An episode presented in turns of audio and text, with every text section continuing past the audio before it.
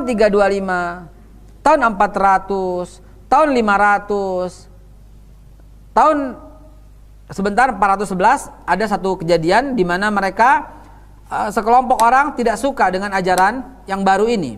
Karena tahun 325 adalah tahun di mana Yesus diangkat sebagai Tuhan. The first Council of Nicaea. Konsili Nicaea pertama tahun 325 setelah Masehi itu the council that created Yesus Kristus. Yaitu sebuah muktamar yang mengangkat Yesus sebagai Tuhan. Sebagian orang yang masih punya pikiran berkata kalau Yesus kalau Tuhan baru ada tahun 325, maka siapa Tuhannya pada waktu tahun 100? Bahkan mundur siapa? Tuhannya Abraham. Maka mereka mengajukan protes. Terjadilah muktamar kedua. Mereka protes, jadilah protestan. Tahun 411. Kenapa Allah yang dituduh membuat agama-agama ini? Kenapa Allah yang dituduh? Ini sejarah. Tak bisa dipungkiri sejarah. Tanya kepada mereka yang Nasrani apa yang terjadi tahun 325. Itulah konsili Nisea mengangkat Isa sebagai Tuhan. Apa yang terjadi tahun 411. Itulah pembentukan protestan. Kenapa? Dia nggak setuju Isa sebagai Tuhan. Tapi dia mengatakan Isa itu anak Tuhan. Tuhan punya anak, Isa. Ketika Isa nikah dengan Maria Magdalena dan mempunyai anak, berarti Tuhan punya cucu. Dan Maria menjadi mantunya Tuhan. Ketika Maria menikah lagi berarti Tuhan punya besan. Ribet kan? Ribet. Besannya Tuhan. Ketika Maria punya adik, iparnya Tuhan. Tuhan punya ipar, Tuhan punya lain-lain banyak sekali. Untuk ketiga ini Allah laknat Yahudi yang mengatakan Uzair itu Tuhan, anak Tuhan dan sebagainya dan bikin agama baru, Allah laknat dengan kata la'natullah alal yahud. Allah laknat mereka. Nasrani Katolik yang mengatakan Isa itu Tuhan, Allah putuskan kafir. Laqad kafarul lazina qalu innallaha huwal masih ibnu Maryam. Sungguh telah kafir, mutlak kafir orang yang berkata Isa itu adalah Tuhan. Untuk Protestan yang mengatakan Isa itu Tuhan itu oknum ketiga Trinitas Allah Bapa, Anak, Roh Kudus, juga Allah mengatakan laqad kafaral lazina qalu innallahu salisus salis. Sungguh telah kafir orang yang mengatakan Tuhan itu tiga dari yang tiga. Ini udah fakta jelas tiga-tiganya bukan dari Allah. Allah kafirkan mereka semua. Zaman Nabi Muhammad mereka semua disebut ahlul kitab. Dan surat Al-Bayyinah dengan tegas mengatakan Innal lazina kafaru min ahlil kitabi wal musyrikina fi nari jahannam. Tegas. Jadi bukan dari Tuhan. Nah, ini lengkap sekali ya dari tahun ini masa pembakaran, masa kelahiran, Nabi Yakub lahir dari Rachel, istri Ishak, wafatnya Ibrahim, masa Nabi Yusuf dan seterusnya dan seterusnya lengkap sekali sampai Herodes naik tahta Herodes ya membangun tembok sampai awal mula ah, awal mula gerakan Freemasonry sampai Yesus diangkat sebagai Tuhan Ratu Helena dan kemudian akhirnya dunia gempar karena itu kelahiran Nabi Muhammad tahun berapa 571 waduh 571 lahirnya Nabi Muhammad Sallallahu Alaihi Wasallam Nabi Muhammad lahir dari seorang yang sangat mulia yang bernama Siti Aminah.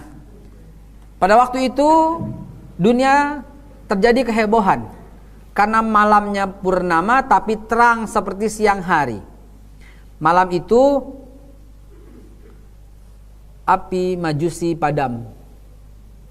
Malam itu terjadi gempa tapi tidak menghancurkan. Malam itu tenang suasana, masyarakat melihat ada cahaya besar sekali dan cahaya itu tiba di rumah Aminah.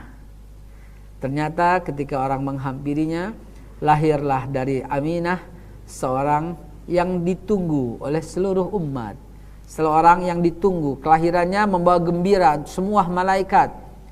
Kelahirannya membawa gembira semua hewan. Kelahirannya ditunggu oleh seluruh makhluk. Kelahirannya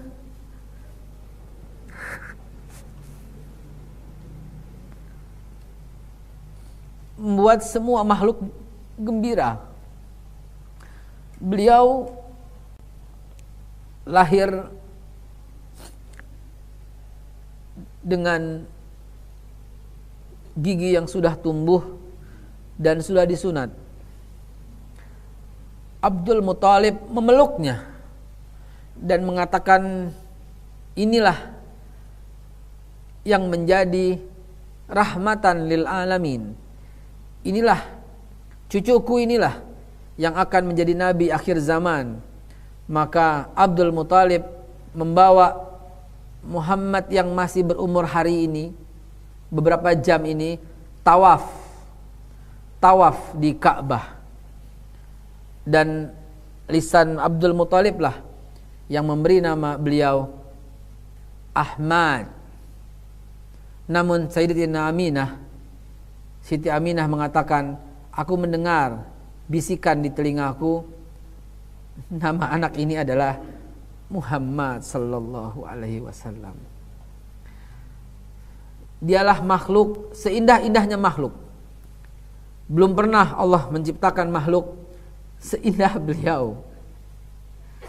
Malaikat pun tak sanggup untuk menduduki tempatnya. Belum pernah Allah menyematkan asmanya kepada manusia kecuali pada beliau.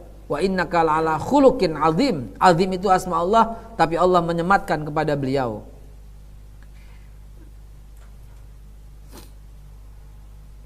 Beliau dicerca, beliau dihina saat ini